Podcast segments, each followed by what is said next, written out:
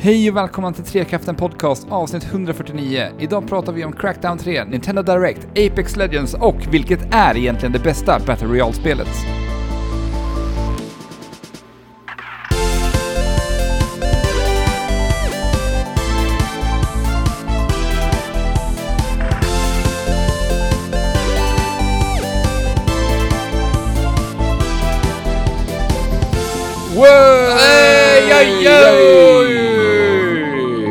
Är vi tillbaka ännu en vecka med Trekraften Podcast. Och uh, välkommen tillbaka Andrew. Kul att ha dig här igen. Ja, men tack så mycket Alex. Men vi har väl också såklart med oss Fabian. Men, men Jesper då? Du är väl här i alla fall? Nej. Nej. Nej, men Okej. Det ser ut som att det bara blir du och jag idag Andrew. Jaha. Ja men, det funkar väl det också? ja, jag antar det. Eller hur? Ja. Ja. Vi är i Trekraften fortfarande. ja, det är vi eh, Ja. Bara två förlorade krafter den här veckan. Precis. Mm. Så kan det vara. Eh, vad har du haft för dig på senaste Andrew? Ehm, jag har faktiskt legat uh, sjuk i en hel vecka. Oj, det är oj, väldigt, oj. väldigt ovanligt för mig faktiskt. Jag är extremt sällan sjuk. Mm. Eh, en liten snabb recension på att vara sjuk då. Du åkte ju på influensan. Så att det, det Ja, kan vi precis. ta en recension på. Eftersom att det är ungefär två, tre år sedan du var sjuk senast så. Ja, alltså det är inte kul alls, är det ju inte såklart. Men det, det är någonting väldigt underligt med just feber, tycker jag. för att, dels för att det är väldigt, väldigt märkligt att ha feber. Man mår ju verkligen bara konstigt. Mm. Och just det här hur man bara går omkring och feberyrar. Och alltså, du mår ju dåligt. Men samtidigt så finns det någon, någonstans så tycker jag att det är lite mysigt också. Och, och nästan snudd på, jag vet inte om jag ska kalla det skönt, men självklart så, majoriteten av tiden så mår jag ju piss. Mm. Men samtidigt så finns det någonting ändå så här, tyckte det var ganska mysigt. Mm. Är jag konstig då eller? Nej, det tror jag nog inte. Jag tror att det är... Jag, jag, kan ändå förstå lite vad du menar med det. Ja. För man är ju inte helt förjävlig av, att ha feber. Utan, Alltså självklart, hade jag haft liksom 40 graders feber då tror jag ju såklart att jag hade avskytt mer än vad jag gjorde nu. ja. Men jag hade liksom, jag hade ju feber men om den var skyhög vet jag inte riktigt för att jag tog inte tempen när jag mådde som värst men ja, det, så, såklart beror det väl på liksom hur pass sjuk man är också men Jo, men det är klart. Ja, nej men alltså, så, så att jag har ändå haft det, jag har ju mått dåligt men jag har ändå haft det mysigt för jag har suttit och bingeat en jädra massa serier Mm. och det har ju varit trevligt liksom. Ja, så men det är väl det. det jag har gjort den senaste veckan. Ja. Själv då? Jo, men eh, jag tänker framförallt på vad du gjorde innan du blev sjuk. Så tänkte jag Ja. bara dra upp ett litet tips till våra lyssnare här. Att vi har ju spelat en hel del, massa, en herrans massa brädspel. Ja, det har vi. Mm. Och eh, varken du eller jag har ju speciellt mycket erfarenhet av att spela brädspel överhuvudtaget sen tidigare. Nej. Men eh, det finns ju en eh, liten spelutvecklare som vi verkligen, verkligen har fastnat för när det kommer till brädspel. Ja. Och det är en liten eh, utvecklare som kallas för Oink Studios. Eller Oink Games heter de, inte Studios då. De heter ju Oink Games. Ja, exakt. Eh, de gör visserligen några digitala spel också till typ mobila plattformar, men eh, det är inte de vi ska prata om nu. Utan Nej. det är framförallt två spel som vi har spelat utav de här som vi eh, fullkomligt älskar. Mm. Och eh, det ena heter Deep Sea Adventure. Och eh, föreställ er då de här spelen levereras i så små askar. Tänk er nästan lite samma storlek som en cigarettförpackning. Den där. Mm. Fast den är det är lite... väl det, alltså det är väl mycket det som gör att jag är lite smått förälskad i, i den här utvecklaren nu, alltså presentationen. Mm.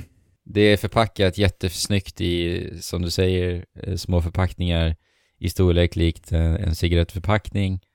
Och sen så är allting bara extremt minimalistiskt och väldigt stilrent designat. Ja, verkligen. Och, och, och lekfullt Ja. också. Det, det är fantastiskt hur de lyckas paketera det här så otroligt snyggt och charmigt. Ja. Man, man blir sugen på att spela och köpa bara Mm. av att eh, liksom titta på, hur de har designat det. Ja, precis. Alltså, du och jag skulle ju, tillsammans med en av våra klasskompisar, skulle ju faktiskt gå iväg på en liten, eh, en liten runda och köpa sådana här Oink-spel, för vi var så himla förälskade i de här. Ja. Eh, men, men det som är så härligt med de här spelen, som du säger, det, är så här, det finns väldigt lite komponenter i dem och när, eh, ändå så lyckas de leverera riktigt, riktigt intressanta spel. Som det här Deep Sea Adventure, när vi spelar som ett gäng dykare som beger sig ut till havet tillsammans och vi har alltså begränsat med syre.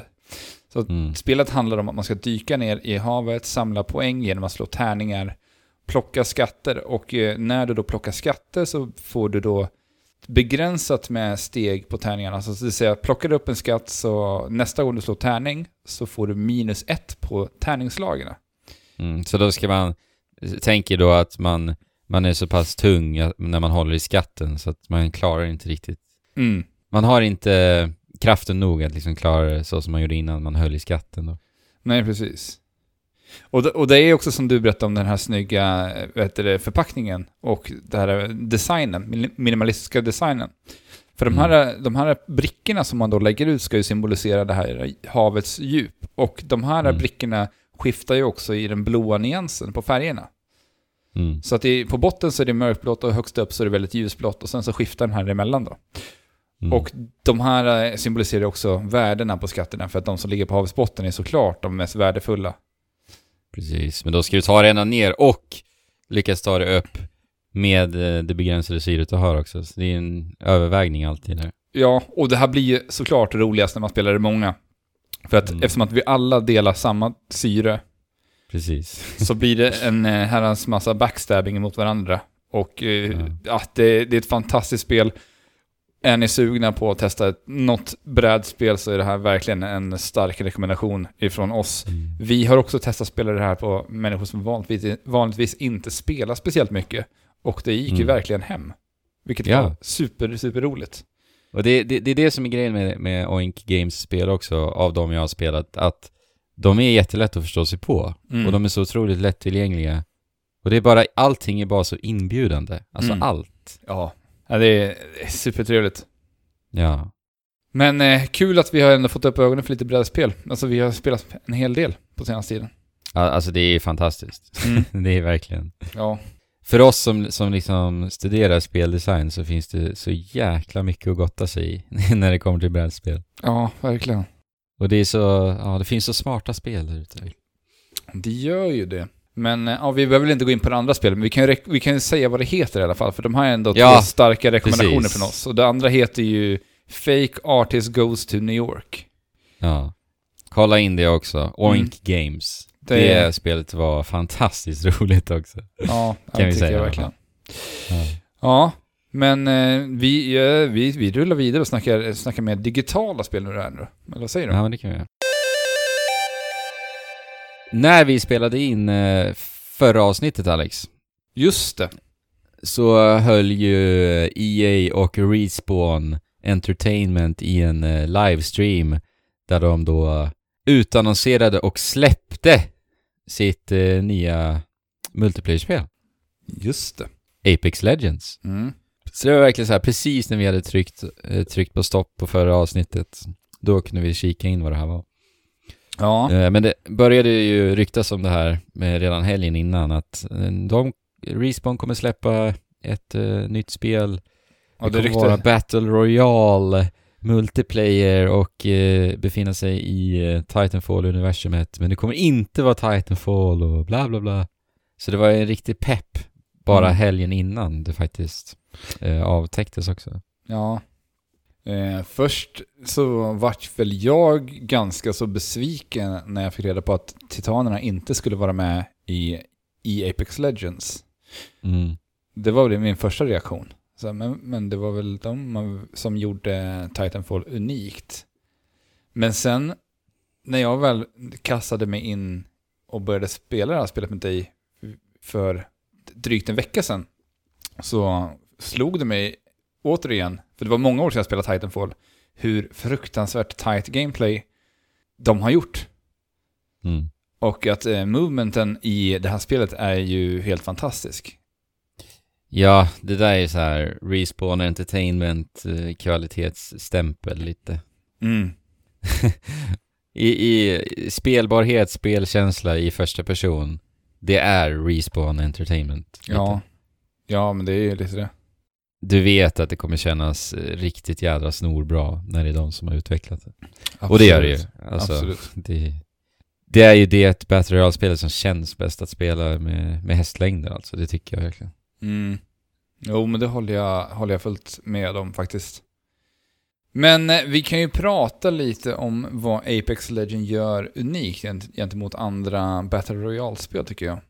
För att det är inte bara ett eh, Battle Royale, alltså så här, de har inte bara tagit bat- Battlegrounds rakt av egentligen, för att eh, det som gör det här spelet unikt är ju att vi faktiskt kan spela olika klasser i det här spelet. Ja, precis. Man fusionerar typ Overwatch med Mm. eh, det klassiska Battle Royale. Lite. Ja, precis. Och här har vi ju, vad är det, det är åtta olika klasser. Eh, det är det va? Mm, och sen är det två, två stycken som är låsta som man antingen får låsa upp för, för eh, riktiga pengar eller spela till sig pengar via spelet. Ja, för självklart finns det mikrotransaktioner va? Mm. Men tittar man till skillnad från hur Fortnite ser ut, där vi har det här, kommer du ihåg det här Battle Pass som de hade ändå? Eh, ja. Du har ju bara spelat Fortnite typ två sessioner kanske? Men, ja, eh, lite mer än så. Ja, det är så. Ja. Ja. Eh, men eh, där har du ju ett battle pass som du låser upp för riktiga pengar. För att då kunna vinna alla de här eh, kommande estetiska prylarna.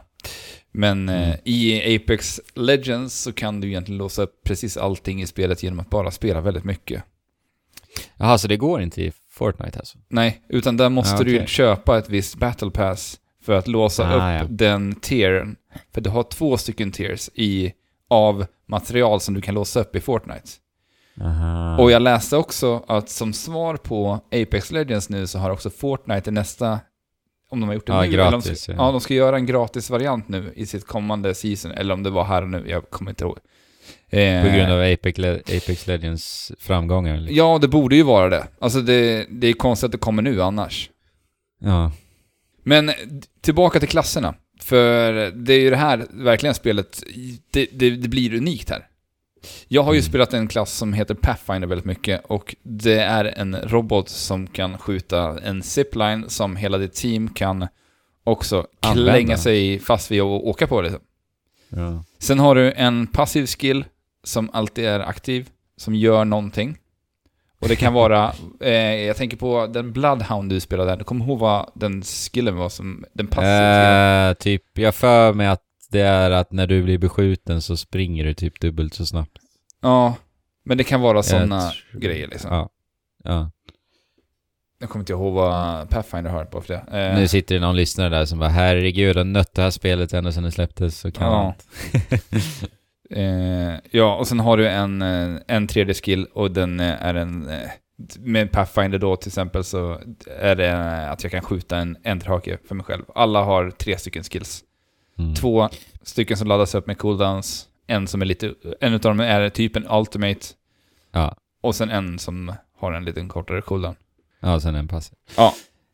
Men jag har också spelat Pathfinder mest och även Bloodhound lite. Men jag tycker nog Pathfinder har varit den roligaste faktiskt. Mm. Eh, Jag, jag gillar verkligen hans eh, grappling hook. Mm. Eh, Enterhaken. Jag tycker det passar dig ganska bra också, för du, du gillar ju att snipa i spel. Jo. Och med Pathfinder eh, så kan du ju faktiskt ta dig upp på väldigt höga punkter med din sniper rifle och sitta där och bara plocka. Dels det, men samtidigt så kan det också vara mobil, just med eh, Mm. enterhaken. För att Ja. det, alltså jag har insett hur, hur kul det är att och utnyttja och använda den i striderna. Ja. För att när det blir så hektiskt, då kan du ju bara slänga iväg enterhaken och liksom svinga dig bort från fienderna. Mm. Eller också svinga dig bort och sen svinga dig tillbaka, liksom leka med fienderna med enterhaken, så här förvirra dem så att säga. Det, Kan- det har funkat skitbra med Du den. kan åka linbana mellan två punkter och skjuta på fienden bara. Ja. Jo men med enterhaken menar jag också. Ja. För att det, det, det blir liksom som en, som en, du svingar dig med den lite. Ja. Linbanan den är ju mer statisk, alltså när du använder den så använder du den så åker du ju automatiskt. Ja, precis. Man, kan- man kan inte manipulera den riktigt på samma sätt som man kan med enterhaken. Nej. Men den är skitrolig faktiskt. Mm. Och sen, eh, när vi bara pratar om rörelser så tycker jag verkligen om det här eh, att man kan eh, glida ner för backar. Så om du springer och sen så duckar du i farten och det är en backe nedåt, då liksom slänger du dig och glider på knäna. Ja, och det en- känns så härligt alltså. Ja, och det, det är just det där jag, jag kommer att tänka på liksom när jag började spela det här igen. Alltså movementen återigen ifrån Titanfall. För att det där är också Ja. så här, det känns så, så sjukt Titanfall. Att glida Ja. på det där sättet. Och du får den där extra svunget i farten på något sätt. Det är en Mm. eh, riktigt härlig känsla. Ja men sen den här effekten som sker i, i spelet, att det blir som ett djupseende Mm. i, i effekten. Det är så snyggt gjort alltså. Ja, Det bidrar verkligen med känslan. jag håller med. Helt klart. Eh, för mig som har spelat en del eh, Battle Royale-spel och framförallt PUBG, mest utav alla egentligen. Så Ja. någonting som jag saknade, eller som jag upplevde varit väldigt svårt, det var ju såklart att navigera sig väldigt mycket i, i Battle Royale-spel. Alltså det hela tiden Mm. hålla koll på kompassen, rapportera vilken position du såg fienden i senast. Eh, det kan ju bli snurrigt när det pangas och skjuts runt om. Speciellt för en som, som jag som inte så spelar den här typen av spel jättemycket. Här tycker jag Nej. Respawn har gjort en helt fantastisk grej med deras ping-system. Ja, det är så bra. Och det här är alltså ett system där vi kan, eh, vi spelar på PC, och eh, Mm. genom att trycka på scrollhjulet så kan vi liksom peka, hit går vi. Håller vi in den så kan vi säga så här, här borta såg vi fienden. Och helt plötsligt så kan vi spela ett Battle Royale-spel utan att ens behöva kommunicera egentligen.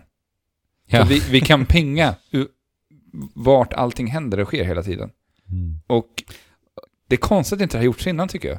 Och, och det mest imponerande med det här, det är att vad du pingar kontextualiseras i vad det är du pingar på. Eller i vilken situation du pingar Ja. de här sakerna på. Så att säga att du pingar på, på en, en dörr där, där det har varit en fiende, då liksom kommer, kommer din karaktär att justera eh, sin, sin voice line utefter vad det är som händer, så att säga. Mm. Och det, tycker- det är jäkligt eh, imponerande. Det här kommer ju vara en, en standard, eh, tror jag, verkligen framöver. Alltså att det kommer vara märkligt att spela spel, eh, alltså multiplayer-skjutare, som inte har den här typen av ping-system Mm. framöver. Ja, alltså för det här är ju, det, det är ett stort jäkla frågetecken varför, inte det, varför ingen har Ja. tänkt på det tidigare. Det känns så himla självklart att det här ska Ja. vara, finnas i ett Battle Royale-spel. Jag menar, ba, bara en sån enkel sak som att pinga en armor. Så här, Precis, och då kommer ju, då kommer ju karaktären säga Oh, there's armor over here. mm. Och det, det, det bara sker, det bara händer. Ja. Spelet vet att det är det här spelaren vill ha sagt, och då säger karaktären det. Ja. Eh, och sen så kan jag svara på det. Och då siktar jag bara på det du har pingat och sen så trycker jag på mus, eh, mitten, scrollknappen. Ja, nej, det, det är så bra. det är så jävla bra. Mm. Ja, Jag tycker det är helt fantastiskt. Och, och jag märker ju liksom, i kombination med att prata med varandra. Mm. Det här är ju inte bara gjort för att kunna spela spelet utan att chatta. Även om det funkar skitbra och det funkar bättre än något annat spel. Men att i kom kombinera det med att faktiskt prata gör ju helt otroligt mycket också. Mm. Ja, alltså för en, en klassisk grej är ju så här, ja men de är där borta. Du vet, särskilt när man är, är ny i ett multiplayer-spel och in, Mm. kanske inte har koll på kartor och, och liknande. Ja men det är någon där borta, men vadå där? Ja men till höger bakom den där. Alltså då kan man bara pinga istället. Ja. För att, alltså du vet, när jag spelade PUBG första gångerna, alltså för mig att hålla koll på kompassen, Ja, det precis. tog mig lång tid alltså. Ja. Så om de är någonstans mellan nord och öst, typ kanske en tredjedel in, jaha, nu är karaktären borta som vi jagar ändå liksom, för det tar så lång I och för tid. sig, i och för sig finns det ju en charm i det där också, liksom att, eh, att dela med sig av väderstrecken på det sättet. Så, ja men de är nord, eh, nordöst och allt vad det är. Mm. Men, men samtidigt, eh, Apex Legends har ju inte den, alltså det är lite snabbare tempo också, så den har väl inte riktigt den typen av upptrappning och, och liknande Nej, inte, strid. inte riktigt. Nej. Eh, det är ju också färre spelare i Apex Legends än vad det är andra Battle Royale-spel. Ja. Hur många squads är det igen? Eh, Nej, 60 spelare är det. Så 60 spelare. del- Delat Och sen- på tre, för det är ju tre i ett squad ju. Ja. Vilket jag faktiskt tycker om. jag tycker det känns som en bra mängd. ja, men jag tycker också det faktiskt. Eh, men jag tycker det ska bli superkul att se vad de utvecklar det här till. Och, eh, kanske, kanske i framtiden får man se en, en liten eh, event eller någonting med Titans. Det hade varit häftigt. Mm. Det, Ja, att- alltså. om man tittar på hur framgångarna, det är helt galet. Ja, Alltså, det har ju 25 miljoner spelare tror jag den senaste siffran var. ja, det var det jag läste också. Det, Ja. Och det, är- jag menar, det är bara två veckor sedan. Det är, det är helt sanslösa siffror vi pratar om. Alltså. Ja, och de har ju en plan EA för hur hela året kommer se ut också. Mm. eh, Med ny, nytt material liksom. Så att det kommer nog gå susen det här. Ja, jag tror det också. Det, det är bra att se lite konkurrens Ja. på den här fronten. Och eh, jag menar, du som inte har fastnat direkt för ett Battle Royale-spel tycker ju att eh, det här, du har ändå haft riktigt kul med det här spelet. Ja. Jag har haft kul snabbt också med det. Ja. Det är ju det just. Jag menar, du satte dig ändå igår kväll och spelade det här mot randoms liksom. Och, och Ja. det, är, det är inte ofta du gör det i multiplayer-spel annars. Det är ändå ett ganska gott tecken. Verkligen. Och eh, jag gick ju och vann. Ja. Yes! Champion blev jag. Ja. Jag har vunnit en gång nu i alla fall. Och det, det blev ju min första Battle Royale- Royale-vinst någonsin. ja. ja, men man får gratulera. Tack så mycket. Det var skönt va? Ja, det var skönt. Det var väldigt eh, där på slutet. Ja, det kan jag tänka mig. Nu, nu har jag äntligen fått uppleva det där som så många pratar om. Och det är ju någonting speciellt såklart, det där. När man, när det är bara, vad är det, nio pers kvar. Och du ser hur ringen bara krymper sig allt, allt eh, mindre. Och sen till slut lyckas. Det är ju härligt. Fick du sätta sista stöten också eller? Nej, jag hade faktiskt en, en kille som var fantastiskt duktig. Och det var han som liksom styrde och ställde eh, egentligen under hela rundan. Men, men vi skötte ju å andra sidan eh, det är väldigt bra, det han, det han beordrar oss att göra. Så att det är Mm. klart att det var en team effort ändå, eller hur? Absolut. Alltså jag, jag måste säga det, att jag, jag tycker ju det, att den här typen av spel blir så otroligt mycket roligare när man faktiskt har en, en eh, ledarroll som liksom styr Faktiskt. laget. Och någon som kan, så här märkbart kan, Ja, vet vad de pratar om. För att jag menar, när vi hoppade in och skulle liksom känna på det här, två stycken som bara så här vill, vill testa på spelet, när vi sitter så här första timmen, det gick ju åt pipan för oss. För vi så här, Ja, vi, vi pratade inte spel mycket, vi gick och ville utforska, vi ville testa vapen och mm. det var ja inte, precis. det var inte många minuter våra första runder bestod av liksom. Nej.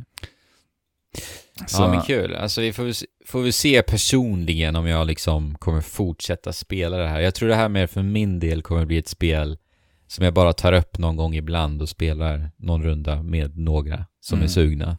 För att alltså, s- även om jag tycker att det här spelet, det här, det här är ju det bästa Battle Royale-spelet för mig, det är det ju. Eh, Men det är väl, är väl underförstått med allt vad jag har sagt. Men samtidigt så, jag har ju svårt för, för den här typen, alltså konceptet. Jag Mm. tycker inte att det är super, super bra i grunden. Det är inget för mig, helt enkelt, riktigt. nej. Alltså det, jag, jag, tyck, jag finner det fortfarande tradigt det här att ständigt luta och ha den här turen att faktiskt få någonting som är genuint bra i rundan. Och sen så här, jag vet inte, jag, hela förloppet eh, tycker jag bara, det är inte för mig helt enkelt. Mm. Jag, jag är liksom för kompetitiv eh, i grunden. Men alltså, samtidigt, jag ty- tycker att Apex Legends eh, är väldigt kul. Mm. Ja. Men det kommer nog inte bli någonting som jag själv nöter och vill bli bra på. Så. Nej, du har ju Smash. Ja, det är mitt spel som är det nu. Men eh, Alex, en sak jag insett när jag spelat Apex Legends Mm. och det är att jag är så jäkla dålig på att spela första personsskjuter på PC. Ja, Jag med. Det, vet du vad, problemet är? Nej. Det är min vänsterhand. Alltså det är för många knappar på tangentbordet. Ja. Det är liksom G, det är E, det är Q, det är R, det är Z. Jag, jag måste nästan så titta ned på, på tangentbordet när jag ska använda Z för att göra min ult, ultimate i, i, Eller får du i göra så att du, att du plockar bort alla andra knappar som du inte behöver. Ja, när du spelar spelet. Jag får ha, köpa ett extra tangentbord och ha bara för att spela med. Ja. Nej men alltså det är faktiskt lite enerverande måste jag säga alltså. Speciellt när det blir eh, hektiska situationer. Sen så måste jag så här reaktivt kanske kasta en granat. Och då, då, ofta så blir det inte G jag trycker på då. Nej, jag, För, jag för jag, jag, har inte, jag har inte fått in det där liksom alls. Alltså, det är, det är lite samma för mig. Men på den tiden när jag spelade Battle, Battlegrounds som mest så spelade jag liksom varenda dag. Ja, då fick du in det. Ja, då satt det ju liksom i bakhuvudet på mig. Men nu har ju typ inte jag spelat PC speciellt mycket, alltså shooter som man säger så. Har inte jag Nej, spelat precis. liksom på ett år. Nej. Då har det mest varit konsol. Mm. Och då blir det ju det där tradiga att liksom hitta tillbaka till vart, vart sitter alla de här knapparna egentligen. Ja. Det, Alltså jag har faktiskt, jag, jag har faktiskt av, övervägt att ladda ner Apex på min PS4 bara för att känna hur det känns att ha tillgång till allt så lättillgängligt och så som jag är van vid. Menar. Mm. Ja, jag tänkte faktiskt dra ner på Xboxen och testa hur det känns där också. Ja. Bara för att testa. Eh, så det kanske vi får testa. ja. Free to play-spel, det har vi inte sagt. Nej. Gratis. Ja. Eh, Bara ladda ner. Ja, t- ja det, det är fantastiskt alltså. Det är ett sånt här välgjort spel, free to Mm. play, alltså gud vad vi spelare är bortskämda i den, i den här, det här tiden. Ja, precis. Vi, vi, vi planerade ju att ha en diskussion om det idag, men ja, det blev vad du och jag idag Alex, så att vi kommer vänta med den diskussionen och prata lite om, om just det. Mhm. Hur, hur pass bortskämda vi faktiskt är idag med den här typen av spel som vi bara kan ladda ner gratis. ja. Och lite så. Det är rena lyxen faktiskt. Ja. Ja, men du och jag ändå har vi, vi har spelat ett annat spel också. Ja, just det. ja, jag har typ glömt bort det här spelet redan. Alltså. ja. Det här är ju ett spel som, som du varit lite små sugen på. Bara för, av, av rent nostalgiska skäl egentligen. 100 procent. Ja. och eh, spelet vi pratar om är såklart Crackdown 3. Crackdown 3. Mm. Märkligt släpp alltså. Det, det har ju varit utveckling eh, lite för länge. Det har uppenbarligen tampats med väldigt många utvecklingsproblem. Mm. Och sen så dyker det bara upp, känner jag lite. Alltså Ja. det, det har ju inte lagts mycket pengar på marknadsföring, kan man ju säga. Jag har knappt sett nysen av det här spelet liksom. Nej, det, det här var väl lätt det där spelet de pratade om när de snackade om the power of the cloud under Ja. Xbox One eh, eh, ut, alltså E3 när de pratade om Xbox One för en eh, massa år sedan. Ja, och det känns som att de sköt sig själva lite i foten där och då. Ja, Det är så här, de, de har tjuvhornat in det nu känns det som. Det ja. är så här, just det, vi skulle ha med det där också. Ja, då klämmer vi in det. The Power of the Cloud-komponenten är ju enbart för flerspelarläget i Mm. Crackdown 3. Och det är alltså, alltså PVP, spelare mot spelare. Eh, och då är det ju, eh, befinner ni er i en st- stor stad och sen så kan man ju då förstö- då är det förstörbara miljöer. Och så är det då kraften av molnet som gör att de här eh, förstörbara miljöerna kan genereras ordentligt va? Utan att eh, prestandan ska sänkas Haverera. Ja. Ja. Men eh, ja, jag har faktiskt inte provat på det och eh, jag är inte särskilt sugen på, på att prova på det spelläget, måste jag säga. Nej. Kanske kan komma till varför du inte är så sugen på det då. Ja, någonstans så, så eh, löste jag upp ett litet sug inför Crackdown 3, som du sa Alex, utav eh, nostalgiska skäl. Jag gillade ju Crackdown 1 väldigt mycket. Mm. Crackdown 1 släpptes ju vid den tidpunkten där jag eh, liksom introducerades till online-spelande egentligen. Alltså Xbox 360-tiden. Eh, 2007 var det ju det Crackdown släpptes. Eh, Mm. För då fick man ju en beta till Halo 3 minns jag. Eh, det var ju väldigt häftigt. Men det var ju liksom, det var så häftigt att få spela ett spel i, i co-op där du bara kunde tillsammans med en kompis hoppa omkring och leka och vara den här superagenten och kasta bilar till höger och vänster. Skapa eh, massiva explosioner och leta efter de här agility orbs som ju gjorde att du blev allt mer kraftfull. Alltså det var bara, det var bara en väldigt härlig lekplats eh, att eh, få, få leka lite mer med en kompis liksom. Mm. Så, så, men det var ju då det, alltså det här var ju 2007. Ja, det är ju det är ju ett bra tag sedan. Ja. Och nu är vi alltså i, i år 2019, nio år efter Crackdown 2 som släpptes 2009. Eller var det 2000, nej 2010. Ja. Och så spelar vi Crackdown 3 och Crackdown 3 känns ju exakt som Crackdown år 2007. Ja, det gör ju det på, alltså, på så många plan. Alltså jag, jag spelade inte det här, jag satt och tittade på dig rätt mycket när du spelade det här spelet. Ja. Men alltså gud vad det här känns som Crackdown ifrån 2007. Ja, och ja, det är en uppföljare, absolut. Men iterera gärna när ni Mm. gör en uppföljare. Ja, Men för att det här, det här är liksom, det, det är en enligt konstens alla regler, ett enligt konstens alla regler open world-spel. mm. Alltså det är så här klipp, klipp och klistra vad spel har gjort de senaste två decennierna i open world. Och sen så har de inte gjort någonting mer, inte ens speldesignmässigt, uppdragsdesignmässigt, ens vad de själva gjorde med Crackdown. nej. Rensa fiendenästen. Mm. Och sen så gör det igen. Och sen så gör det igen. Och sen så gör det igen. Och sen så gör det igen. Och det här har vi gjort ända sedan 2007. Ja. Alltså så tycker jag verkligen att Crackdown 3 känns. Mm. Det är så oinspirerat. Det är helt galet. Ja, alltså det, det, det är det verkligen. Jag, jag tänker bara vi kan berätta för, för lyssnarna egentligen vad, vad det här spelet går ut på. Så att lyssnarna... Ja men det är ju det jag sa. ja. Rensa Eh, fiendenästen. Och så gör ja. det igen. Ja, Alltså Ja. faktiskt. ja, men det är ju det. Men vi har ju den, vi har ju den här diktaturen i den här staden, vad den nu heter.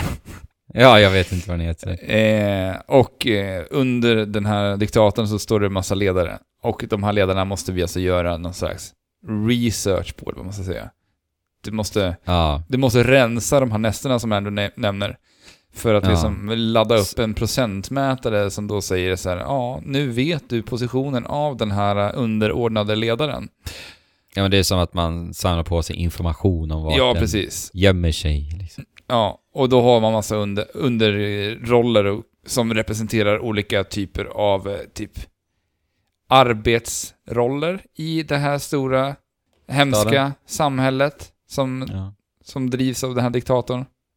Mm. Eh, sen ska man då bara rensa och rensa och rensa tills man har då full procent och kan gå till den här ledaren och sänka ledaren. Och sen är det här uppbyggt i en, i en eh, tänk, tänk er som i, i en pyramid liksom. Vi har, plockar de där nedersta först innan vi når upp till toppen och kan ta den stora Ja, ledaren. alltså. Och det, det är så spelet är i det stora hela. Ja. Eh, det, det jag blev så himla besviken på, det är någon i, i det här är ju, som du nämnde när du spelade Crackdown 2007 på Xbox och du njöt av att liksom levla upp din karaktär och få de här superförmågorna. Mm. Så saknar ju jag att de inte har liksom jobbat vidare på superkrafterna. Nej, ingenting. För att för mig är ju crack, Crackdown det där spelet som är bara sådär göttigt att sitta sig och bara köra hjärndöd action där man gillar att bli sådär över OP. Ja. Men så här, jag hade gärna velat se mera knasiga förmågor. Varför inte jetpack eller så här, ännu mera grejer? Kör Mm. ännu mer over the top, för spelet vill ju vara lite over the top Mm. i sin så här framtoning och dialoger och allting. Ja, ja. Oh, ja. Men sett till, eh, sett till eh, ens movement så är det ju exakt vad det var i det första spelet. Ja, det enda skillnaden är väl att man har den här dashen som man kan göra i luften nu. Ja, Men det är men- typ, det är typ det som är skillnaden. Ja men det är ju över tio år sedan. Var det allt de kunde komma på en dash i luften? Ja. Det, det känns så riktigt rätt. ja, men inte nog med det. Alltså så här, visst att, eh, att ge oss gärna eh, mer vidareutvecklade förmågor, men också så här, förmågorna vi har används ju inte designmässigt. Alltså, det, det, det, det, de man gör ingenting med vad spelet är redan nu heller, för att som sagt, det enda du gör i spelet är att rensa fiendenästen, punkt slut. Mm. Och sen är det så här, du har förmågorna för att göra det på ditt sätt lite mera. Alltså det finns ingen design kring dem. Utan nej, det är bara så här, nej, nej, inte när vi pratar om striderna. nej, D- där finns det ju ingenting. nej. För att i så fall, där de har en funktion, det är ju i det andra spelet som liksom är i världen. Det du nämnde med att plocka ag äh, agility orbs. Agility Orbs, ja precis. Och det är ju där jag tycker att spelet är roligast, för att jag gillar Ja, att ja. hoppa runt och plocka Ja. de här orbsen. Och jag menar, det är ju inte ens, det är inte ens huvudspelet. Nej. Det, vi plock, jag hoppar runt på hustak och letar orbs för att kunna levla upp min gubbe. Till vad då egentligen? Det är så här, kunna Ja. hoppa högre eller kunna dasha Kunna- flera gånger i luften. Men Ja. det gör ingenting gameplaymässigt i striderna överhuvudtaget. Det är väl, En Det finns- extra undanmanöver, det är väl typ det det blir. Men, ja, och sen finns det i och för sig de här äh, melee-striderna, men vem fasen vill stå och boxas Ja. i ett spel där vi ska skjuta med så här massiva, galna vapen? ja, men också bara det att, att boxas känns ju skit i Ja. det här spelet. Ja, det Alltså, och det känns exakt som det gjorde i Crackdown. mm. De har inte ens en, utvecklat det heller, det är helt obegripligt. Och, och sen vapnen du säger, det är massiva stora vapen. Ja, men där också. De har ju inte gjort någonting. Nej. Alltså de skulle ju kunna göra så, mycket roligt, lekfullt med, med vapnen i det här spelet. Ja. Det är så här, jag vet inte. Jag tycker det här bara är en jädra oinspirerad, tråkig röra till spel alltså. Ja. Det här är ett spel där jag känner att det har inte gett mig någonting överhuvudtaget. Jag har inte blivit... Okej, det har gett mig att det har gett mig typ ångest för att jag har känt att jag har slösat tid när jag har spelat det. Alltså helt ärligt. Ja. Ja men du minns ju smset jag skickade till dig? Ja. Jag skrev, vad var det? Ja men jag skrev typ Nej Alex, jag, jag vill inte spela Crackdown 3 mer. För att jag känner att när jag sitter med, med, med när jag sitter med, sätter mig ner med det, Mm. så känns det som att liv sipprar ut ur mig. Ja. Ja men det är ju så, Nej. fruk- det är så fruktansvärt hjärndött. ja. Alltså Det- jag är väldigt hård här, men Ja. det är... Ja men det, det ska du ju ändå ha. Det här spelet har ju varit under utveckling ganska länge. Ja, Och det är ändå... väldigt länge. Det, det, jag, jag hade ändå förväntat mig mer av det här. Alltså jag gick in med låga Mm. förväntningar. Ja, oh ja, jag också. Men det liksom, det levde inte ens upp till de förväntningarna. Nej. Och sen så här, ja, visst det kan vara lite småkul som du sa att så här hoppa omkring och, och plocka agility orbs. Men, men bara där, var din karaktär kan hänga och klättra på byggnader är också en så här liten detalj som är så Ja. otydlig. Ja, det är fruktansvärt otydligt vart man kan hoppa och klänga. Ja, och det, det är ju superviktigt att det ska kännas sömlöst Ja. i, i ett spel där vi typ bara hoppar omkring eh, på, på skyskrapor och bland skyskrapor. Mm. Och, och, och, och jag menar, som vi säger nu, eh, 2019 är vi. Vi har spelat spel som Infamous, tre, tre fyra upplagor eh, mellan de här spelen. Och Infamous gör ju det otroligt, otroligt bra. Ja, och det- där känns det ju... Ja, det är det som är så sjukt. För jag menar, när, när kom Infamous eh, Second Son? Det kom ju med PS4-releasen. Ja, precis. Och det spelet känns ju liksom fräschare än Crackdown Ja, ja. 3 släpps 2019, vilket är helt sjukt. Mycket så. Det, ja, det är, det är galet. Det känns Ja. som att det här blir tvungen att lanseras. Att, för att det har varit utvecklat så länge, men det känns inte som att det här har de polerat Nej. till... Ja, det är eh, så, så själlöst alltså. Så, Och, och känns för att inte prata om liksom denna buggfest det också har varit. Ja. Alltså när du och jag har spelat det här i co-op så har det varit så här bossar som glitchar upp och ner under marken. Ja, Alltså det har varit texturer som bara helt plötsligt försvinner.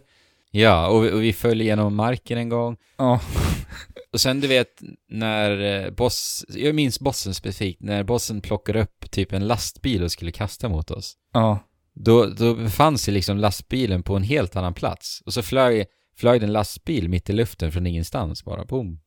ja. Och, och det här hände ofta också, den här typen av buggar. ja. Det var inte bara så här någon gång ibland, utan det hände ju kontinuerligt under spelsessionerna. Ja, det kunde vara en sån grej som att den här, jag, minns att den här bossen när den skulle ta sig från en punkt till en annan så gick den över typ en liten, eh, ett litet hinder på den här lilla gångsträckan. Och det ledde till att den här Mm. karaktären, bossen bara helt plötsligt skickades upp så här Ja. fem meter upp i luften för att han gick på det här Ja. objektet och bara skjutsades upp i luften. Man bara så, okej. Ja. Så, Ja, och, sen, och så spelkontrollen också, så här trasig känns den bara. mm, Den är så, så fladdrig. Och, och i ett spel där vi är en super, superhjälte med de, här, med de här superhäftiga superkrafterna, då vill vi liksom självklart känna oss i ett med kontrollen. ja, vi vill ju vara ett med krafterna som vi ändå har till Ja. oss. Det, det är vi inte här. tyvärr. Nej, här, här får vi sällan göra det vi vill, känner jag. Mm. Ja. Är En stor besvikelse Andrew. Eh, Ja, det är ibland det sämsta spelet jag spelat på. Ja, Ja, men det- men, men, men ibland så måste man göra det också för att liksom kunna inse, eller för att kunna älska, eller uppskatta andra spel också. Ja, Så det här kanske var nyttigt i stora hela, det kanske var. eller hur? Men eh, vi hoppas till någonting som vi tycker är bra och mycket roligare, tycker jag. Ja, men det kan vi göra. läm- Lämna det här bakom oss. Du Ja. nämnde förut Andrew att eh, du tyckte att Apex Legend var det bästa Battle Royale-spelet. Ja, just det. Men eh, eh, stämmer det, det verkligen? Stämmer det verkligen? För att det, jag tror att det, jag tror att det här spelet har ju du lagt ner mer timmar på än Apex Legends nu. Ja, det har jag, tveklöst. Ja, så är det här bättre? Alltså, då, blir det väl en diskussion i, i, i vad bara- är ett Battle Royale-spel? Ja, Är det att eh, vi är eh, ett stort antal spelare så ska en vara, stå vinnarna på slutet? Ska vi, Ja. är, är, om vi ska definiera det så, ja. då eh, får vi kanske säga att jag tycker att det här är bäst, det bästa. ja.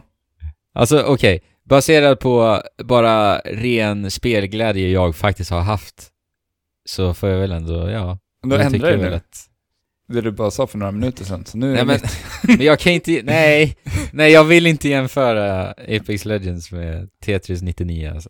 Ja. Men Jag det vill är, det. jag tycker att det är ett, det är ett Battle Royale fast i ny tagning. Ja det är det väl. Det är det. En ny tagning ja. Eh, ja, Tetris 99, det utannonserades ju på Nintendo Direct här som var i förra veckan. Mm. Och det här är alltså ett Tetris-spel där vi möter 98 andra spelare. Du är den 99 och spelar Tetris. Ja. ja. Det här släpptes ju gratis till alla, alla Nintendo Online-användare Precis. Och på dagen Mm. dessutom. Exakt.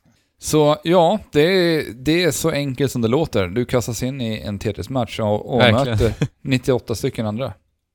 Eh, De har ju verkligen skalat av det här till det, till det maximala. För att, alltså, det är vi, verkligen- Vi, vi har en startskärm. Det står start, start game, stats och options. Det är det som finns liksom. Ja, och det Eh. finns inte ens en handledning om hur spelets eh, mekaniker fungerar. Nej. För att li- lite mer än bara 100% Tetris är det ju. Ja. Och det är ju på grund utav eh, ja, själva 99-konceptet. Och, och det är ju så att man kan skicka sånt här eh, skräp på motståndarna. Mm. Så när du gör exempelvis en Tetris eller när du rensar lines så kan du skicka över skräp på motståndarna. Och då kan du ju då ställa in om du ska eh, skicka skräp på motståndarna med den högra spaken. Och då, det kallas att försöka gå in för att göra en KO. Ja. Eller så kan du välja att, eh, att stå emot defensivt. Och då väljer man attackers, och det vill säga att de som attackerar dig vill du liksom Mm. defensivt putta undan Ja, och för- stå emot.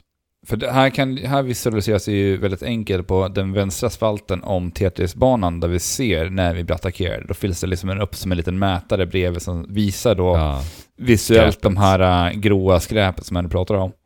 ja, Och i, i de fallen då har du då targetat, eh, markerat de här attackers så kommer du att rensa det här skräpet om du börjar plocka Tetris-rader. ja, precis.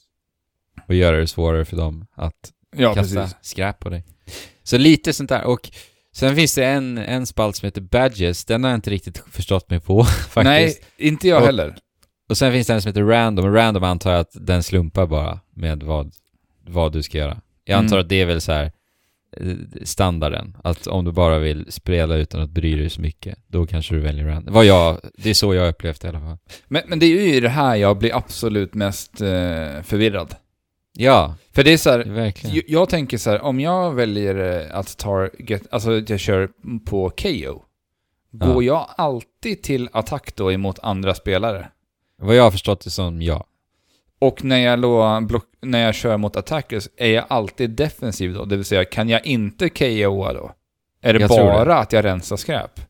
Ja, det, det är så jag har förstått det. Så att, du vet, ibland så ser, för du ser ju hur många det är som har siktet på dig. Ja. Det, kan, det, det ser man väldigt tydligt i Och det, 99. det visualiseras med lite streck ifrån de här uh, rutorna då, som markeras till din spelplan. Och, och säg att om du har fyra sådana Alex, Ja. Då ska du välja attackers för att blockera och vara defensiv. Ja. För, och det, jag, jag, jag lärde mig det igår, och jag provade det igår. Och det gjorde faktiskt ganska stor skillnad. Att du switchade att- mellan liksom. Nej men att, att, ja men precis. Att när du märker att oj, nu har jag tre stycken på mig, då, då, då ska du switcha till attackers för Mm. att vara, hålla bort dem.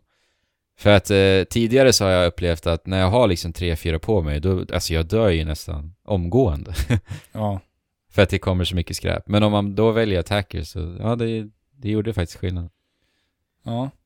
Så att lite så här underliggande unika mekaniker finns det, men det är inget, inget som drastiskt liksom förändrar hur man spelar Tetris. Är det ju inte. Nej.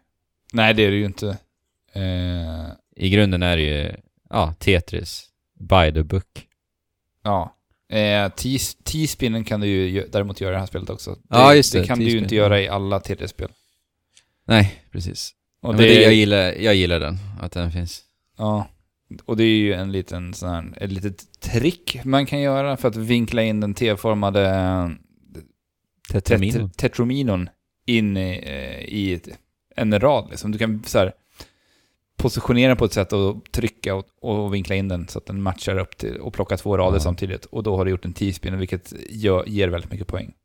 Ja. Jag tror att den ger en mera, antingen lika mycket eller mera än vad en Tetris gör. Ja, Det vill säga i. Puyo ger en mer. Ja, men de är ju svårare att sätta upp, alltså en T-spin, än en Tetris. Ja, jo det är den. Eh, ja, eh, jag, jag tycker att det här spelet är helt fantastiskt. Jag har haft, jag, sitter, Ja, jag sitter, jag sitter ju som, som fast slick, slukad vid det här spelet. ja. Jag vet inte hur många timmar jag satt här i lördags och bara så här stirrar in och sitter nästan så här, ser typ helt apatisk ut, sitter med varsin joycon i vardera hand, som en, som en slö potatis i soffan och bara stirrar in i skärmen. ja.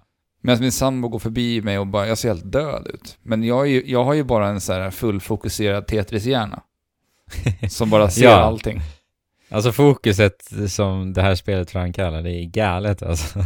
Ja, alltså jag har ju haft Tetreminos drömmar nu de senaste dagarna. Det är bara så här Mm. swishar och jag tänker på hur jag kan positionera alla bitar hela tiden. Alltså det, Ja. det är sjukt vad det där sätter sig på hjärnan snabbt alltså. En dag med Tetris Ja.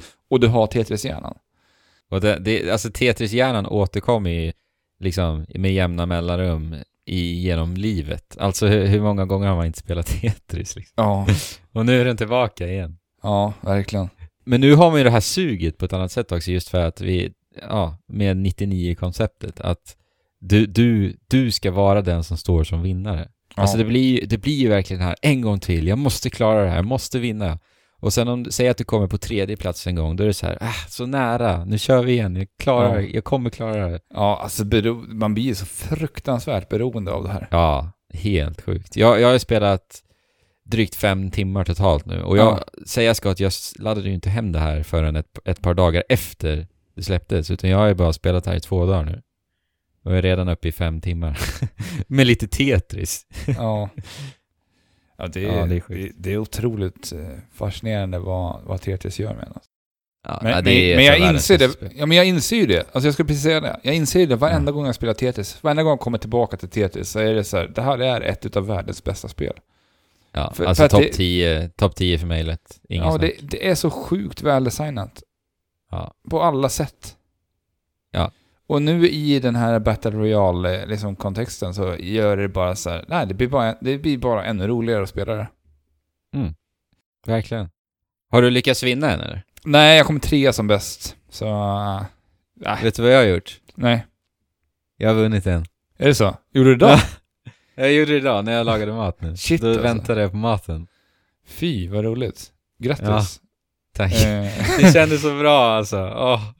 ja, Men shit. det var så här, du, du vet ju, för det har vi inte sagt, det kan vi nämna, att eh, musiken trappas ju upp såklart ju längre du kommer. Den lite lugnare Tetris-låten eh, spelas och sen när vi kommer över 50 så blir det lite mer så här techno-pump Ja. nästan. Och sen eh, när det är 10 spelare kvar, då vet jag inte vad det är för musik. Jag har inte ens tagit in det. Då blir det ultra technopump typ. Den bara Ja. ökar och ökar. Och det blir ett, såklart ett stresspåslag bara där. Men sen också hastigheten på, på Tetraminos ökas såklart också. Och, och där på slutet alltså, när det är, när det är tio spelare kvar, det, det går fort. Det Ja. går fort alltså. Ja, Och nu när jag vann, ja, så var jag på det, det tempot ganska länge. Men jag, jag hamnade i någon jädra zen-läge alltså. Jag bara hade inga problem. Och när jag vann så kändes det nästan så här. Jaha? Ja, det där var väl inget svårt, eller? Jag liksom, det bara flöt på. Alltså när man, når det, när man når det där läget i Tetris, det är så sjukt härligt alltså. Det, det, Ja. det är som ren meditation. Ja. Och du vet, jag, Alex, du vet ju att jag har haft en, en dag idag jag har varit väldigt trött. Mm. Och, och- jag var ganska sliten när jag satte mig. Men ändå så här lyckades jag hitta det där. Till och med med mitt mentala tillstånd. Det var fantastiskt. Ja, jag förstår det. Eh, välförtjänt efter din eh, slöa hjärnedag, får man säga. Ja, precis. Vart eh, lite upplivad av en Tetris 99-vinst. Ja. Eh, det, det här spelet ska ju såklart uppdateras framöver. Och ja. jag, jag har väl lite små saker som jag tycker, som jag skulle önska till det här spelet. ja, definitivt. Och det är, eh, alltså i den här, liksom, som du berättar om, den här musik, upptrappande musikkaoset som sker, så händer det väldigt mycket. Alltså, och det flyger ju, det är mycket, det är mycket som låter och alla de, att bara se alla de här 90, 98 andra spelarna, det gör ju att så här, jag, jag vet inte riktigt vad jag ska fokusera mina ögon på, utöver Nej. spelplanen liksom. Och där önskar ju jag verkligen att, eh, till exempel när vi gör en KO så är det ju bara liksom en, en ganska så diffus röst som säger KO. Just Ja, det. Men, men jag lägger ju knappt märke till den rösten när jag är inne i matchen på grund av att musiken låter så fruktansvärt hetsig. Och jag skulle gärna vilja se det visuellt på något sätt. Alltså lägga det Mm. i närheten, inom, min, liksom, inom mitt synfält runt Tetris-planen. Att så här, Ja, bomma någonting litet. Som vet att fan, nu gör jag någonting rätt. Nu jäklar, nu går det skitbra det här. Precis. För att det är någonting som med Tetris, jag blir ju så fruktansvärt pepp på mig själv om det jag presterar i Tetris. Ja. Men det blir så här, jag får ingen respons på så här, nu gör jag någonting bra. Jag vet inte vart jag ligger Nej. riktigt. Och det, det hoppas jag på att de jobbar mer på i framtida uppdateringar av det här spelet. Hur känner du? Ja, ja, ja. Nej, men jag håller helt med dig. Och, och nu när jag vann den här första Tetris 99-vändan, Mm. då, då ser du ju hur många du har KOat. Och jag hade typ KOat fem stycken. Hade Ja. jag märkt någon av dem? Nej. N- nej. och det, det ger ju bara en extra liten boost när du spelar liksom. Att få Ja. den, den responsen. Att nu har du KOat någon. Så jag, jag tycker också det är en liten så här viktig liten detalj som de borde fixa. Ja. Och sen får vi se vad det blir för, om det blir flera lägen i den här också. För nu är det ju bara, som sagt, väldigt, väldigt basic allting. Play Jo men de har... Spellägen har de faktiskt redan eh, sagt att de ska lägga till flera. Men har de sagt vad? Nej, de har inte sagt vad. Bara att det ska komma. Så det kommer ju uppdateras i alla fall. Det är ju fantastiskt. Mm. Och det här, alltså det är ju ett sånt jävla eh, härligt spel att bara ha på switchen alltså.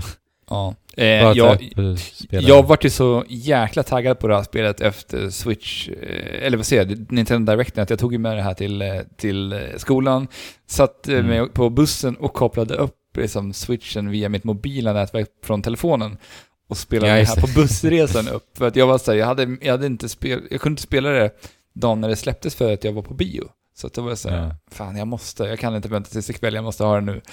Ja. Så det vart ju en dag, eh, liksom med, med rasten i skolan bestod av att jag satt och spelade Tetris 99. Det, Ja.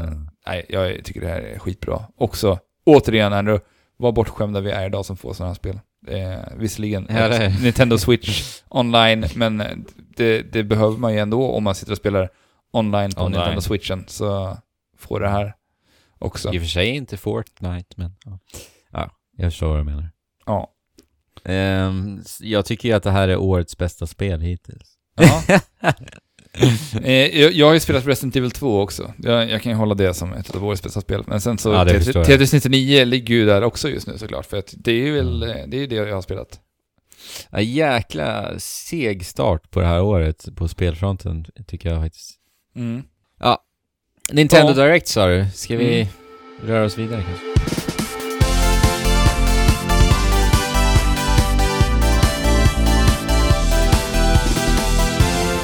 Ja, Nintendo Direct var ju förra veckan, Andrew. Ja. At long last. Ja, det hela schabraket började ju med att de visade att Super Mario Maker 2 är på gång till Nintendo Yeah! Switch. Ja, och med ett helt Fuck nytt gränssnitt yeah! också. med ett helt nytt gränssnitt nu också när vi inte har eh, Wii U-padden. Så att vi ska kunna styra det här med handkontroller. Jag tyckte det såg jättesmidigt ut. Ja, jag gillar de här uh, hjulen Ja, som de hade introducerat. Det är ett, ett smidigt sätt. såg väldigt användarvänligt ut. Tänk er typ när ni bytte vapen i Mass Effect. Ja, Typ eller så. alla weapon wheels någonsin. ja, det är sant. ja. Det är sant. Eh, undrar, var, undrar varför jag började, tänkte på Mass Effect. Var de eh, tidiga med det kanske? Jag vet inte. ja, men för dig var de nog det tror jag. Ja.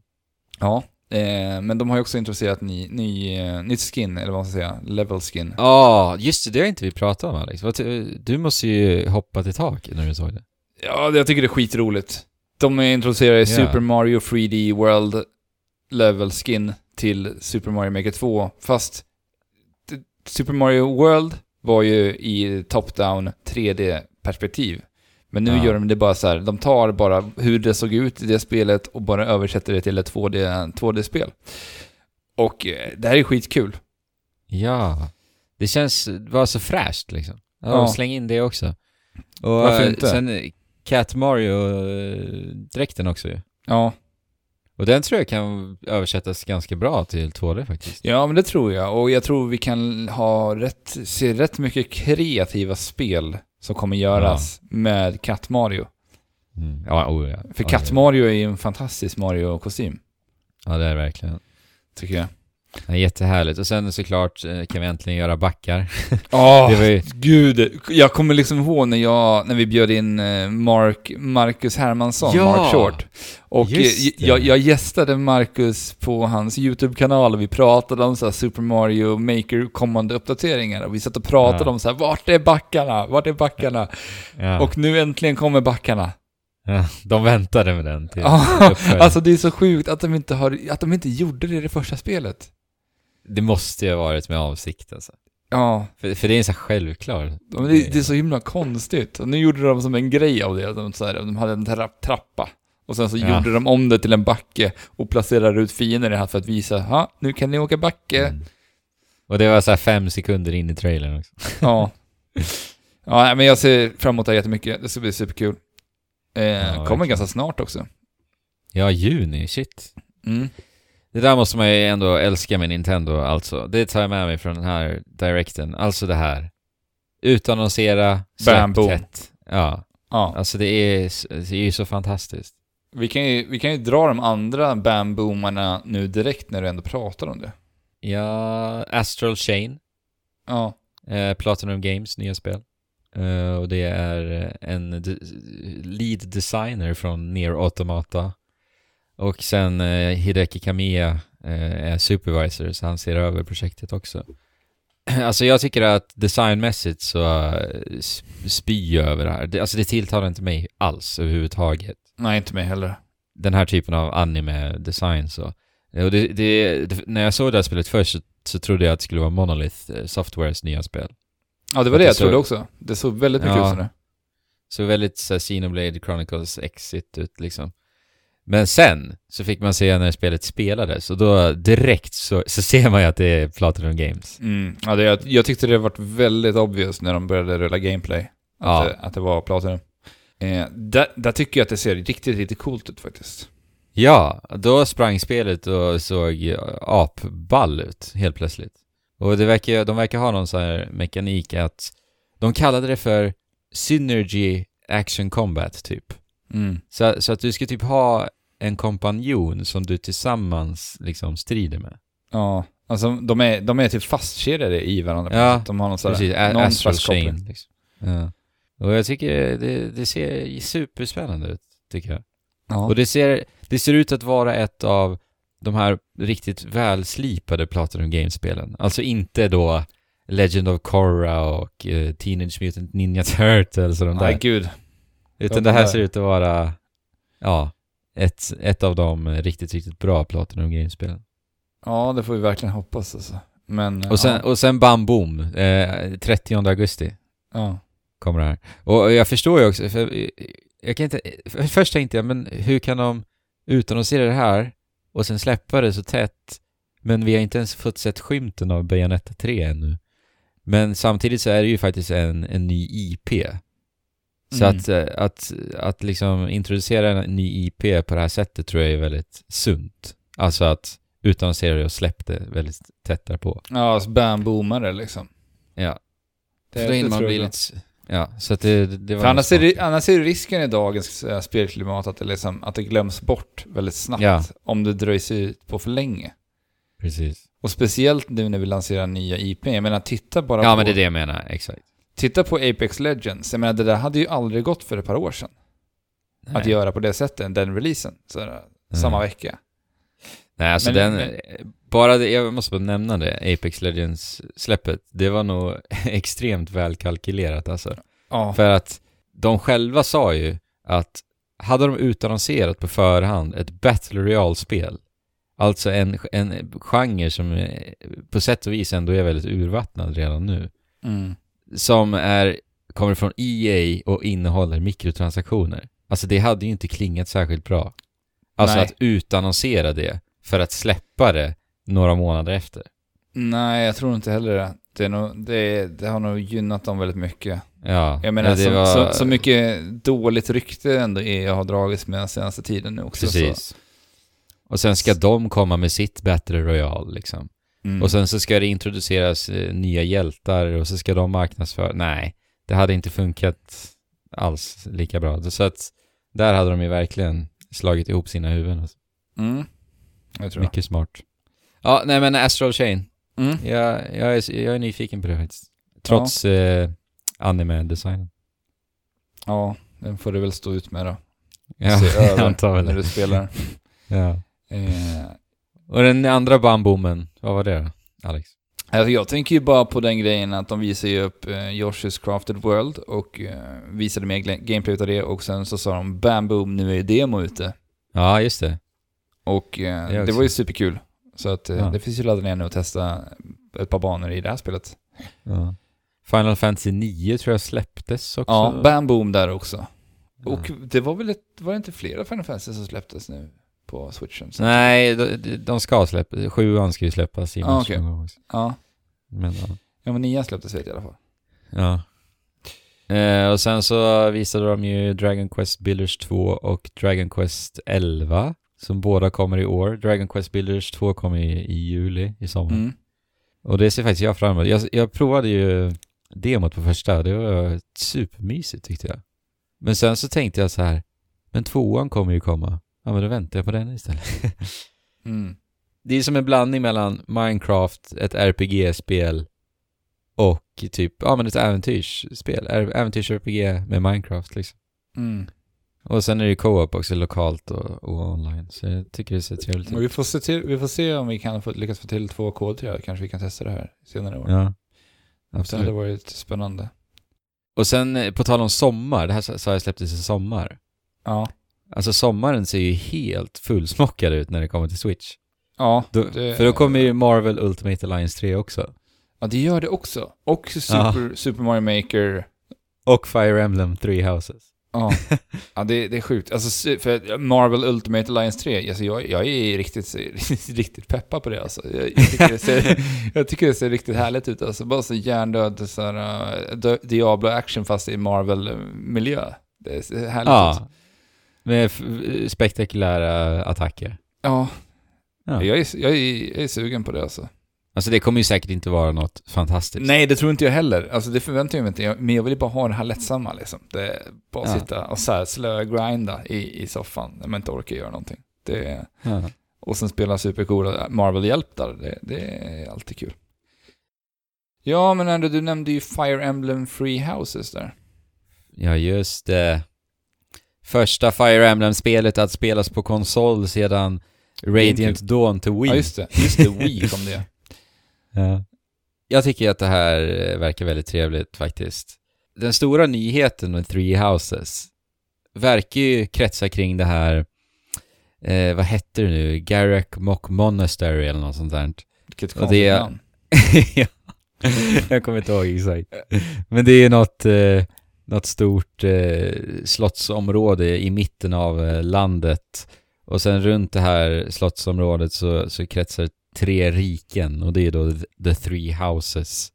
Mm. Och sen så spelar man då i Fire Emblem Three Houses en professor. Det är alltså huvudkaraktären. Mm. Och sen så ska du då välja att, eh, ja, professera, säger man så? Vara professor för ett av dessa tre riken. Och det är det man liksom väljer när man startar det här spelet. Vilket av de här rikena eh, ska du... Representera liksom.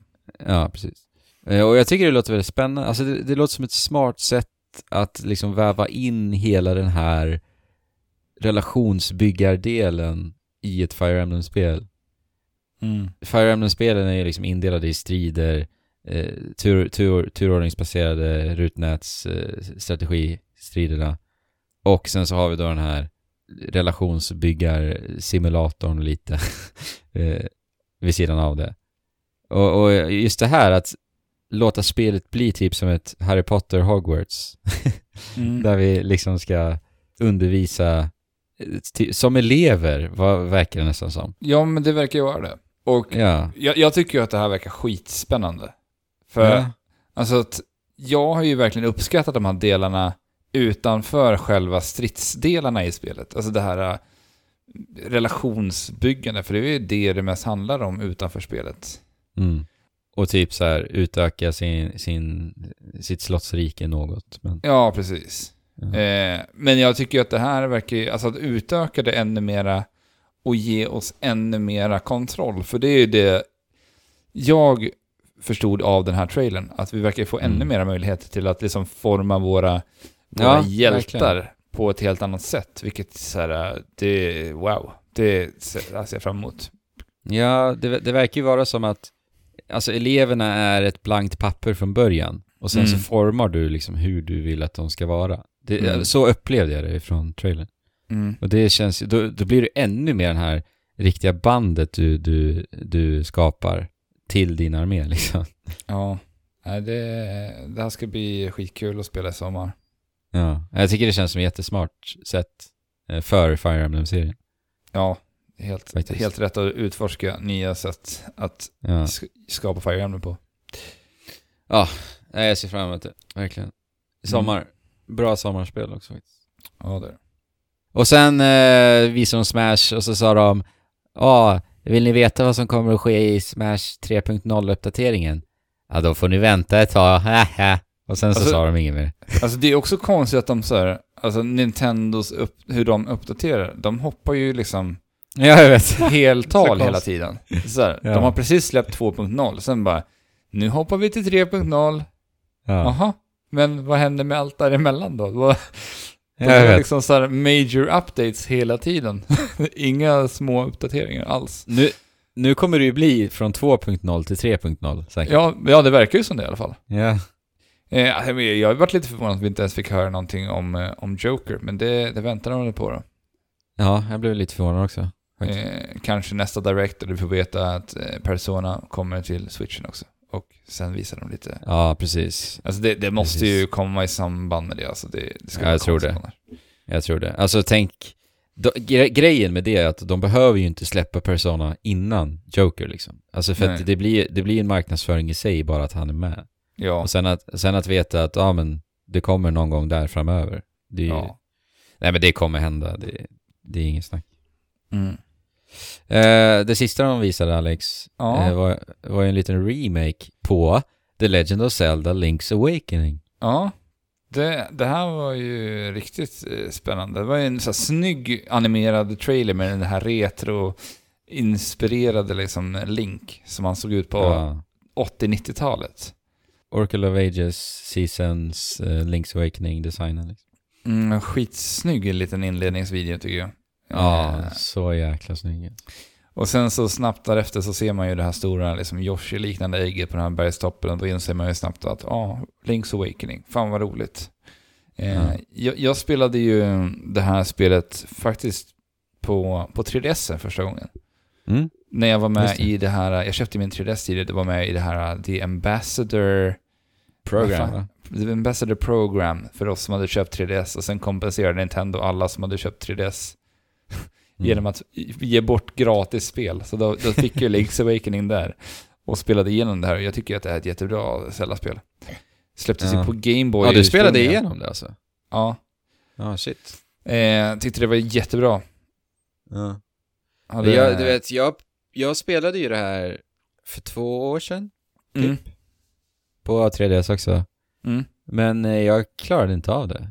Och jag klarade inte att klara av det, om man säger så. Nej. Jag, jag, jag hade så himla stora problem med eh, hanteringen av föremål. Och jag tyckte Ja. det bara var jättetradigt. ja, för att spelet, det. är ju designat för två knappar. Det. Ja, för och det du måste gå in och byta hit och dit. Ja, de måste gå in och byta hela, hela tiden. Och jag tyckte det har varit jätte, jättetrist. Och sen, jag vet inte, jag spelade det nog vid ett ganska dåligt tillfälle i mitt liv faktiskt också. Ja. Eh, jag, jag, jag tror ju verkligen att du skulle uppskatta Link's Awakening alltså, för att det är ju, det är ju väldigt så äh, likt A Link to the Past på många sätt. Ja men det, det, jag vill min, det jag minns gott om det var att jag minns att jag tyckte att eh, grottorna var väldigt bra. Mm. Det var så bra designade grottor. Det minns jag i alla fall. Ja. Och, och roliga bossar, alltså så här flummiga bossar. Det ser jag fram emot i den här remaken. Att se hur de omdesignar bossarna, för bossarna är ju jättekonstiga. Alltså Alltså- designmässigt. ja, men det är ju ett ganska flummigt spel överlag. Ja, menar, bara jo. så här, vi går ju ner i de här, äh, så här dungeons där spelet utspelar sig i 2D och sen så helt plötsligt är det Gumbas där. Så att jag menar, det är så här, ja, Gumbas finns i samma universum som, som Link och Zelda liksom. Ja, det Och jag det menar att, att det finns ett Yoshi, in, in, alltså ett Yoshi-ägg på bergstoppen, det är också någonting så här. De kanske, Ja. de kanske befinner sig i samma universum ändå, trots allt. Men det finns ju en förklaring till det där Alex. Ja. Ska man, ska man spoila ett, ett, ja, jag kanske inte ska nämna för mycket. Men ja, de flesta vet väl att, nej jag ska inte säga något. Det kanske finns någon som inte vill bli spoilad. Ja, det kanske finns det. Men det finns i alla fall en anledning till allt det här konstiga. Och det är ju, det är väl snyggt invävt, kan jag väl tycka. Och det är inte bara droger då som är svaret. Nej. För det hade det kunnat vara också. Ja. Han kanske Eh. sva, svalde någon eh, så här, giftgroda i och för sig, när han, Ja. när han blev eh, washed ashore, heter det på, på eh, engelska. Eh, strandsatt. Ja, tack. ja, eh, ja, och tillbaka till Link's Awakening remaken. Det här har ju också blivit en vattendelare när det kommer till det rent estetiska i det här spelet. Ja. Jag, jag personligen tyckte ju att det här kändes superfräscht när jag såg det direkt. Alltså jag, jag gillar ju när de vågar gå helt banan och så göra någonting utöver det vanliga. Mm. För att den här remaken ser ut som, alltså, kommer du ihåg det här Minis, Donkey Kong Minis, Mini Marios? Ja, just det. Ja. Det påminner lite om den grafiska stilen från de spelarna. Det ser liksom ut som att du har dekorerat med leksaker, typ. Ja.